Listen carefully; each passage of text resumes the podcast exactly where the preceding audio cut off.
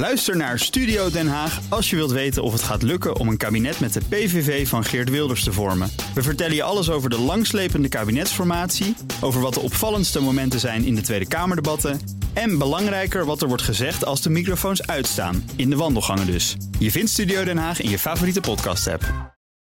Werkgevers moeten hun sociale kant herontdekken. D66 wil techreuzen aan banden leggen. En de start-up Cat Social is na miljoenen aan financiering toch tamelijk plotseling failliet. Omdat het geld op was. Dat en meer bespreken we in het ondernemerspanel vandaag bestaande uit Ton van het Noordende, de CEO van Zero One Ventures. Mediaondernemer Jip Samhout en mijn zakenpartner van vandaag Elske Doets, eigenaar en directeur van Jan Doets Amerika Tours. Welkom allen. Dankjewel. Hi. Jip, wat is jouw nieuws? Nou, ik vond deze week is uh, ja, voor iemand die in, in meer in het reclamelandschap zit, is natuurlijk de, de Super Bowl commercials zijn altijd het, uh, het wekelijks of het, het moment van het jaar waar je naar uitkijkt. Beter dan de uh, wedstrijd zelf, hè? Ja, veel mensen die er speciaal voor afstemmen. Ik vond het dit jaar een beetje tegenvallen eigenlijk. Ik vond er niet heel veel statements bij zitten. Ik vond toch één, één luchtpuntje. Dat was um, van de Washington Post. Eigenlijk sowieso best bijzonder dat um, een mediamerk zich mengt eigenlijk in dat, in dat commercial geweld. En die, ja, die Washington Post die zich heel erg op kennis is macht uh, uitriep. En dat vond ik, uh, nou ja, dat is natuurlijk heel passend in de, in de tijd nu. Maar dat, dat zelfs mediamerken reclame moeten gaan maken om hun statements te kunnen gaan maken, vond ik toch wel weer een. Nou, en ze hebben er flink voor moeten betalen ook waarschijnlijk. Ik ben even kwijt wat het ook weer per halve minuut kost. Volgens mij 2,5 miljoen per half minuut. Ja. Ontzettend veel geld natuurlijk. Ja, ja. Ton, wat is jouw nieuws? Of heb je misschien gekeken naar de Super Bowl en heb je er een opvatting over? Ik heb niet gekeken, het was te laat voor mij. Uh, ik, wat, ik, wat ik wel prachtig vind is het circus eromheen. En ook het bereik van, van het circus. En dat zie je dan ook in de, in de prijs die je betaalt om überhaupt daar reclame te kunnen doen. Maar blijkbaar werkt het gewoon heel erg goed. Ja, ja nou nu we toch het rondje maken. Ja, Jan doet Amerika Tours. Het is een beetje een rode lijn door deze hele uitzending. Heb jij gekeken naar de Super Bowl? Nee, want ik ben ook niet zo'n nachtvlinder. Dus, ah, uh... Oké, okay, ja, je weet het niet. Tom, wat is ja. jouw nieuws? Uh, mijn nieuws is toch wel dat vorige week, uh, eigenlijk een aantal dagen geleden... een overleg plaatsvond in het Katshuis... met onder andere premier Rutte en prins Constantijn van Startup Delta... waar ik zelf ook actief betrokken ben. Met name om meer ja, bewustwording te creëren bij de overheid. Dat ook politiek zich moet gaan inmengen om bepaalde dingen voor Nederland te verbeteren. Onder andere op het gebied van bijvoorbeeld uh, tech transfer. Dus technologie die vanuit universiteiten vrijkomt voor ondernemers om te gaan investeren en te gaan bouwen. En uit andere zaken die denk ik nog niet voldoende belegd zijn. En er wordt erover gesproken. Nou is de Startup Delta daar natuurlijk speciaal voor opgericht... om ervoor te zorgen dat de belangen van startups ook politiek gezien aandacht krijgen. Er is nog weer een andere brancheorganisatie. Ja. Gebeurt daar nou uiteindelijk ook wel eens wat mee? Ja, nee, dat is nou exact, dat is exact het punt. Heel vaak worden dit soort dingen zeg maar, onder de radar gedaan... en komen, komen de uitkomsten worden niet echt beschikbaar gemaakt.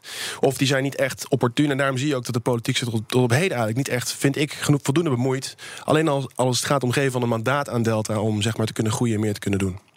Wat, wat, stel je voor? Een mandaat aan Delta? Ik bedoel, je, je, je bent een soort lobbyorganisatie. Ja. Uh, dus je moet ook weten hoe je ingang in de politiek moet gebruiken. Je moet ja. ervoor zorgen dat jouw punten die je belangrijk vindt... bijvoorbeeld het investeringsklimaat in ja. Nederland... dat daar anders over wordt gedacht, dat het in een wet wordt vastgelegd. Ja. ja, dat had dan inmiddels, nu we aan de tweede speciale ambassadeur toe zijn... die ook alweer een tijdje zit, had er dan al iets geregeld kunnen worden, toch? Dit soort dingen werken alleen als je het en bottom-up en top-down doet. Dus het enerzijds is het ondernemers zelf en de, en, de, en de private kant die dit moet oppakken... en ook steeds meer gebeurt. Het gaat ontzettend goed. Vorig jaar hebben het... Europa heeft het goed gedaan, Nederland heeft het bijzonder goed gedaan... met Mendex en Elastic en natuurlijk Adyen met een fantastische waardering op de beurs. Amsterdamse beurs overigens, ook een prachtig besluit. Maar ja, ik merk gewoon dat er toch nog te weinig commitment is vanuit de publieke kant. Dus dat moet, uh, moet gewoon gaan veranderen. Ja, Elske, wil jij hier nog iets aan toevoegen? Nou ja, ik uh, had vorige week gaf ik een lezing en na mij kwam dus een hoogleraar over artificial intelligence van de UvA. En die vertelde dat Nederland gewoon vanuit de overheid 0 euro in artificial intelligence ja. investeert. Nou, dat is waanzinnig als je dus hoort dat Frankrijk en Duitsland ja. en natuurlijk China big time en Amerika big time ja. daar heel veel in investeren. We lopen gewoon achter. Ja, kijk, en Nederland investeert natuurlijk wel heel erg veel. Hè. We hebben natuurlijk Wouter Bos die straks zelf uh, InvestNL gaat leiden, waar 2,5 miljard of misschien wel meer te beschikking komt. Maar ja, mogen start-ups daar gebruik van maken? Dat is natuurlijk een vraag. Dus misschien voor later bedrijven ontwikkeld. Maar je kunt ook zeggen, nou, je stelt een deel van het budget wat je hebt als overheid ter beschikking om technologie te investeren waar niemand vooralsnog in investeert. En daar heb je natuurlijk wel nog een bepaalde kans te maken. En dat wellicht verbetert onze concurrentiepositie op de lange termijn ook ten opzichte van de grote reuzen waar we het over gaan hebben zometeen als Google en Amazon en Facebook. Ja, Jip, ik zie jou knikken. Dat werkt altijd goed op de radio. Maar jij, vindt, ja, ook. Dat, jij, jij, vindt, jij vindt ook dat uh, de overheid uh, boter bij de vis moet leveren? Nou, kijk, als je volgens mij naar de subsidieset kijkt in Nederland, dan zitten we nog best wel in een agrarische uh, geschiedenis waar we nog, nog ongeveer uitkomen, zeg maar. En uh, kan er in, in, in tech kan zeker denk ik nog wel meer worden gedaan. Want uiteindelijk is dat toch, ja, we gaan het zo over hebben, maar toch de, de, de middelen van de, van de toekomst en ook de industrieën van de toekomst. En ik denk wel dat we altijd in Nederland een hele bijzondere combinatie weten te maken als het gaat om technologie, combinatie met creativiteit. Juist soms ook door de schaarste in middelen. Ik heb ook wel, zie ook wel wat start-ups omheen die heel erg op subsidies leven. Ik vind het persoonlijk niet ten goede van de kwaliteit van de start-up komen. Omdat je eigenlijk minder naar de markt kijkt, maar meer naar je subsidies, zeg maar. Ja, want die zijn er ook wel, hè, via regionale ontwikkelingsmaatschappijen, via allerlei verschillende potjes. Er wordt zelfs gezegd, jeetje, als je als start-up geen subsidie kunt vinden, wat, dan heb je echt iets verkeerd gedaan. Ja. Ja. Maar het kan soms wel helpen om juist een terrein te ontginnen waar gewoon nog weinig markt uh, in is. En daar, ik denk dat daar het op, op ingericht uh, moet, uh, moet worden. Ja. Elske, wat is jouw nieuws? Of heb je heb je, je nieuws al uh, prijsgegeven nee, aan het begin van deze nee. uitzending? Uh, dat sluit ook voor een deel aan. Uh, ja, leraren slaan alarm omdat uh, scholen dus uh, stoppen met informatica. Omdat er dus geen leraren zijn. En ik vind informatica een ontzettend belangrijke ja, vak. En uh, dat is gewoon zonde als, als dat stopt. En uh, dan denk ik, hebben ook die leraar gedacht aan peer-to-peer -peer learning. Want ik had de eer om deze week op bezoek te gaan bij Codam, de coderingsschool van Corinne Vigreux van TomTom. Tom. Ja.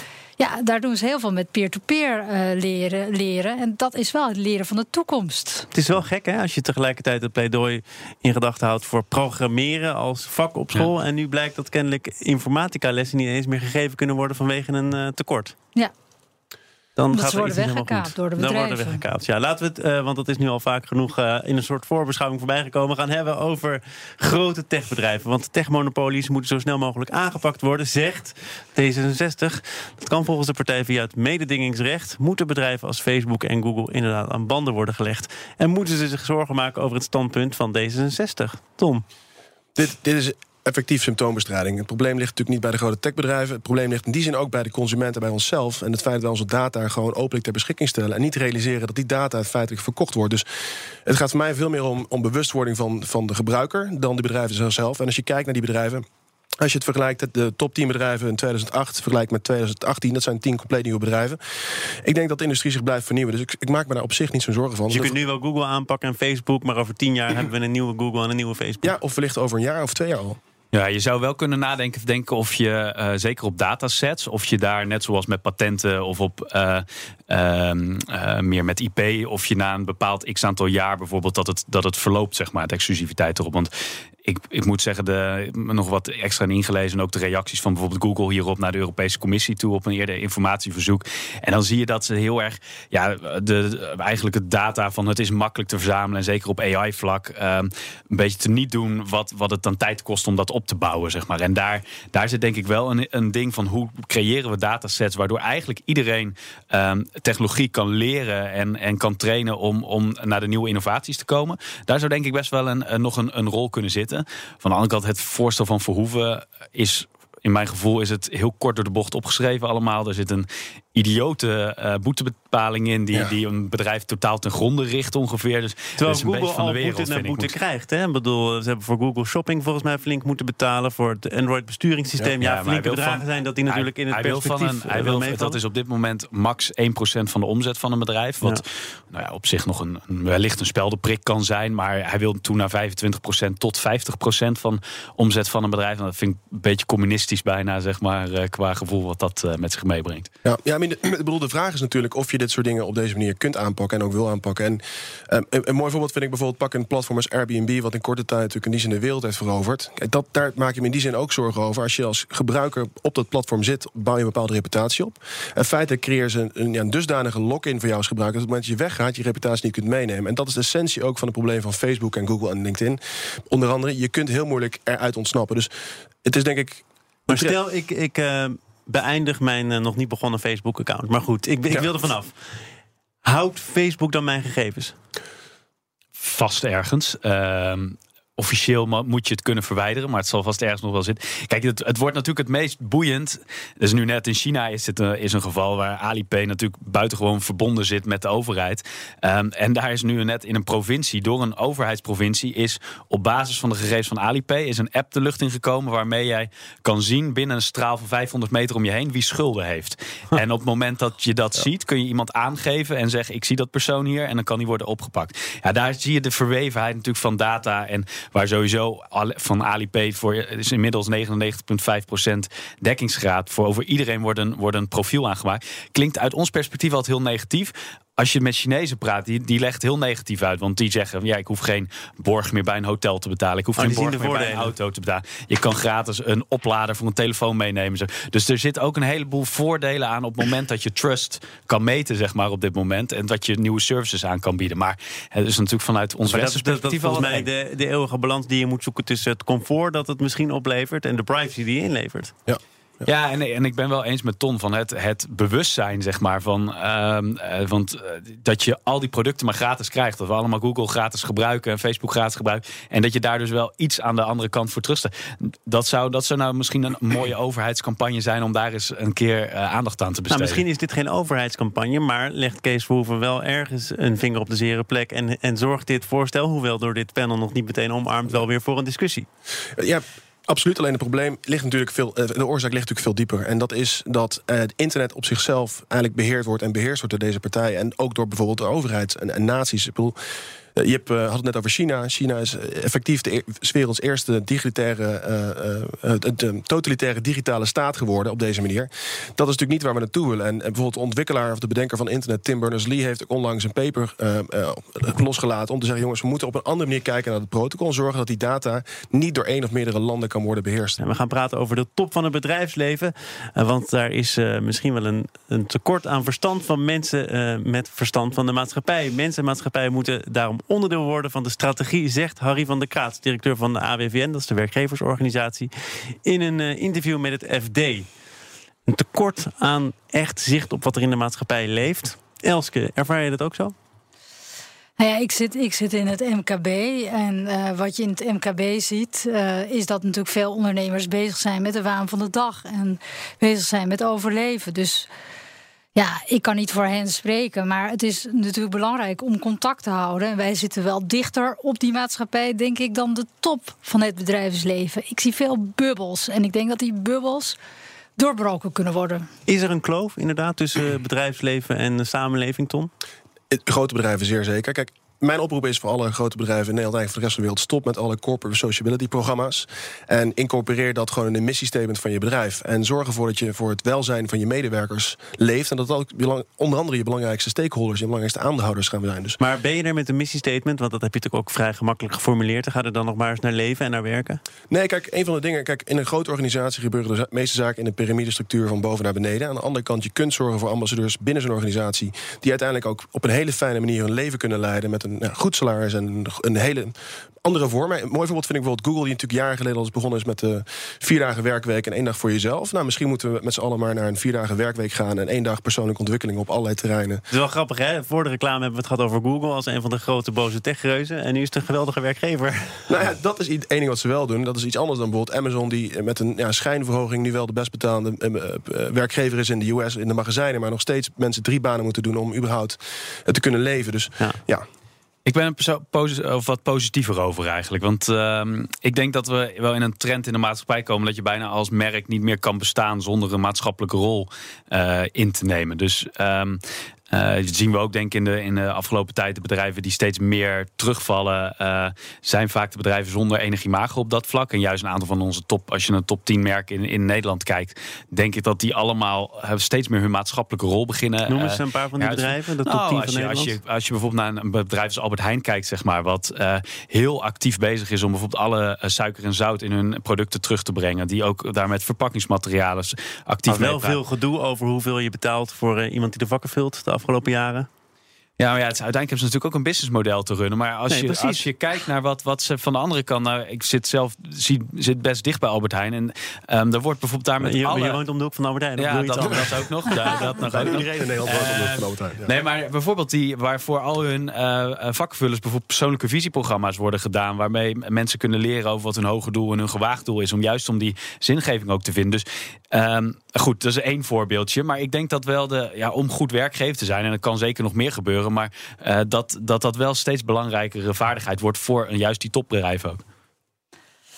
Ja, ja ik, het klinkt heel nobel. ehm, maar ik vraag me af: hè, eh, is, is dat niet een soort window dressing? En eh, ja, ik prik daar toch dan een beetje doorheen. En, ehm, Nou, maar ik dat, denk, vind- sorry, dat vind ik. eh, eh, nee, ik weet het even in dit geval voor. Ik kan niet voor alle bedrijven spreken, Nee. maar Wel voor bijvoorbeeld Albert een Albert Heijn zie, ehm, waar echt gewoon ehm, meerdere procenten minder suiker door de jaren heen, wat juist niet wordt verteld, maar door de tijd heen, echt vanuit de motivatie, vanuit de top van het bedrijf, om Nederland gezonder te maar maken. ze verkopen wel Coca-Cola. Dan moeten ze dat ook maar niet meer mensen doen. kopen Coca-Cola. Daar, Ja. Ik denk dat uiteindelijk het probleem zit in de consument, zeg maar. En uiteindelijk hebben ze zelf het meest op hun eigen producten, eh, zonder hier een heel promoverhaal voor Albert Heijn te doen. Maar het zit wel, ik zie het daar wel oprecht in eh, mensen zitten. Ik zie het bij banken. eh, als je bij, daar wordt ook altijd als de grote bad guys, maar daar zie je toch ook steeds meer het gesprek ontstaan met hoe kunnen we toch onze relevantie in de maatschappij, omdat we anders verdwijnen uiteindelijk. Puur ook door die marktwerking. Hoe kunnen we dat meer eh, naar binnen krijgen? Ik bedoel, ik Maar denk dat hoe doen ze dat dan in de top van en, en in het hele bedrijf? Want dat, dat is natuurlijk ook een issue, hè? de diversiteit en de inclusiviteit. Mhm. Dat is toch ook wel echt een dingetje wat nog niet op orde is in Nederland. We zijn ook nog, denk ik, nog lang niet, lang niet eh, in orde wellicht. Maar er wordt wel aandacht aan besteed. Dus bijvoorbeeld, nou, als je een bank kijkt naar het financieel zelfredzaam krijgen van mensen, wordt veel aandacht aan besteed. Is niet primair businessmodel. Maar anderzijds, als ze het niet doen, is er op het moment dat straks de Googles van deze wereld intreden maken, is de relevantie helemaal weg. Dus ik denk dat wel de, de maatschappelijke trends wel eh, maken dat, dat dit soort bedrijven er wel hun rol in moeten gaan nemen ook. Ik moet zeggen, ik ben het met je eens wat je net zei. Ik denk dat, dat grote bedrijven twee dingen kunnen doen. Enerzijds diversiteit in de boord creëren. Dat wil zeggen dat je mensen hebt, cultureel divers, maar ook divers vanuit de hele maatschappij, die ook andere belangen dekken dan alleen het shareholders value belang. En het tweede is gewoon kijken naar je productpropositie. Wat bied je eigenlijk aan? en dat geldt voor bedrijven ja, die nu bijvoorbeeld ook deels onder vuur staan of die ook moeite hebben met talent aantrekken. Bijvoorbeeld Shell, die nu ook een transitie weer te maken. En dan zie je dat een investering die gedaan is met ABG. Ja, en terecht ook. Ik denk dat dat nu. Onder druk gezet door een paar activistische aandeelhouders ja, en dat zijn dus ook modellen die je kunt doen, die dus niet overheidsgebonden zijn, die privaat worden ontwikkeld. We gaan van de corporate top van het bedrijfsleven naar eh, start-ups. De Haagse gaming startup Get Social haalde de afgelopen jaren in totaal 8 miljoen euro op. En toch is het bedrijf failliet. Een overname ketste op het laatste moment af... omdat er geen akkoord werd bereikt met de schuldeisers. En de directeur van Get Social die is er vrij duidelijk over. Het geld was op, zo gaat dat soms bij start-ups. Ja, Ton, is het zo simpel? Het is eigenlijk zo simpel. Kijk, een 8 miljoen eh, is een hoop geld. eh en klinkt ook als een hoop geld. Maar feitelijk, als je een team hebt van 20 mensen en je wilt het faciliteren of meer, ja, dan ga je er redelijk snel doorheen als je geen goed bestaansmodel hebt en geen klanten die daar bereid zijn voor te betalen. Hoe komt het dan als je geen echt bestaansmodel hebt... en je hebt je verdienmodel niet op orde... dat er toch nog mensen zijn geweest die daar in totaal 8 miljoen in hebben gestopt? Nou, dat is deels onderdeel van het, noem het dan maar, het, het spel van als je gaat voor dit type financiering. De investeerders die eh, gaan uiteindelijk voor een portfolio van bedrijven. En als je zegt 20 bedrijven, uiteindelijk blijven er na 5 tot 7 jaar zijn maar één of twee over die uiteindelijk het, de investering zeg Ja. maar zinvol maken. Ja, daar Dus moet je het dan van hebben. Daar moet je het dan van hebben. Dus het hoort er wel bij. Maar het is altijd jammer dat zo'n bedrijf dan ja, ook niet de kans krijgt om door te groeien. En het is vrij, eh, vrij intensief. Want als je dus ook niet die, eh, die, die milestones of die, die doelen behaalt die je samen met de investeerders afspreekt, zullen ze ook geen vervolginvestering meer in eh, het bedrijf stoppen. En dan wordt het ook heel moeilijk om extern kapitaal op te halen. Dus ik denk dat dat ook wellicht de oorzaak is van nu. Ja, wordt nu wel geprobeerd om tot een doorstart te komen. hè? Het is nog niet helemaal einde verhaal. Ja, ja wellicht, wellicht data en aan de, aan de IP-kant dat het nog in- interessant kan zijn. Ja. Maar laten we ook eh, trots zijn op dit soort bedrijven. Dat ze ook kunnen falen in, eh, in Nederland. Het is ook eh, uiteindelijk, ja, nou ja, dat vind ik altijd zo mooi in Amerika. Dan zeggen ze van ja, je moet drie, drie vier start-ups hebben, failliet bent gegaan. Anders worden voordat er steeds suc- succesvolle kan hebben gebouwd. Ja, we zijn in Nederland doen we of, of deze mensen helemaal gek zijn. En dat ja, soms zit het ook met een bedrijf bouwen. Zit het soms op een, ik denk dat we het hier allemaal wel zullen herkennen. Zit het soms op een haartje na, kan het net goed of net fout gaan. En dan is het denk ik ook voor investeringen. Ja, je, je hebt natuurlijk altijd hoop. En het, mee, over het algemeen gaat het dan, is er een En het gaat altijd net iets minder snel dan je wil. En dus komt elke keer net de vraag erbij. Als we er nog net iets weer bij doen, dan is de kans dat het toch eh, gaat lukken. eh, eh, gaat het goed? Ja, en op een gegeven moment moet je soms eh, helaas dan de stekker eruit Nou, trekken. ik denk maar dat je het leert voor een veel. familiebedrijf wel anders ligt, toch? Ja, als je, als je het vanuit mijn perspectief uh, uh, beoordeelt, is dat inderdaad een heel gek businessmodel. Maar het businessmodel van een start-up is dat het kan falen. Je moet natuurlijk wel als start-up rekening houden dat je BTW of sociale lasten moet gaan betalen. En dat zijn dingen waar je natuurlijk ook over kan struikelen. En je moet ook weten hoe je de, de, de eurotjes of de dollartjes bij elkaar optelt. Nou is het wel zo dat er in de Financial Times een paar investeerders hebben gezegd... Uh, er komt tegenwind aan, start-ups, jullie zijn daar niet aan gewend... maar alsjeblieft zorg ervoor dat je spaarpot ook een beetje gevuld is ton. Dat klinkt als een advies dat altijd van pas kan komen, maar is het nu extra op zijn plaats? Ja, dit is natuurlijk uh, ja, koffiedik kijken. Dit, dit gaat altijd gebeuren. Eén keer in de zoveel tijd. De markt is cyclisch, er komt een neergang. En de beste bedrijven zullen blijven bestaan en overeind staan. Wat wij wel doen en wat we ook zien in de markt. Ik reis veel in Europa en ook in de US. Dat investeerders tegen ondernemers zeggen: zorg ervoor dat je spaarpot gevuld is. En geef niet al het geld nu uit. Bouw een buffer voor twee tot drie jaar. Maar ja, dat geld moet je uitgeven om, uh, om door te kunnen, om verder te gaan, om uit te breiden. Ja, natuurlijk, maar je ziet daar iets meer terughoudendheid in. Dus de CFO's houden de, de, de, knip op, op het geld, om het zo te zeggen. Dat is inderdaad wel een trend die ik zie. Spaarportefeuille, Jip? Dat is natuurlijk altijd een goed idee. Maar uh, nee, wij...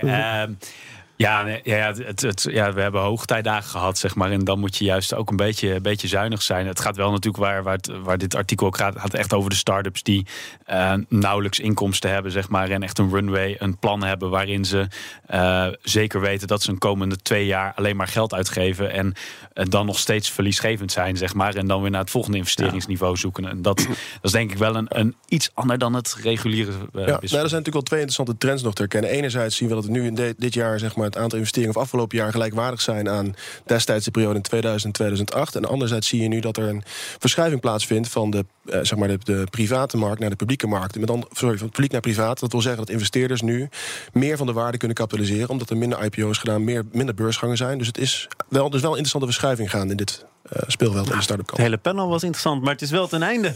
Ton van het Noordende, de CEO van Zero One Ventures, mediaondernemer Jip Samhout en Elske Doets, mijn zakenpartner van vandaag, eigenaar en directeur van Jan Doets Amerika Tours. Dank voor jullie komst. Ook Thomas van Zeil vind je in de BNR-app. Je kunt live naar mij luisteren in Zaken doen. De BNR-app met breaking news, het laatste zakelijke nieuws... en je vindt er alle BNR-podcasts, bijvoorbeeld Het Nieuwe Geld. Download nu de gratis BNR-app en blijf scherp.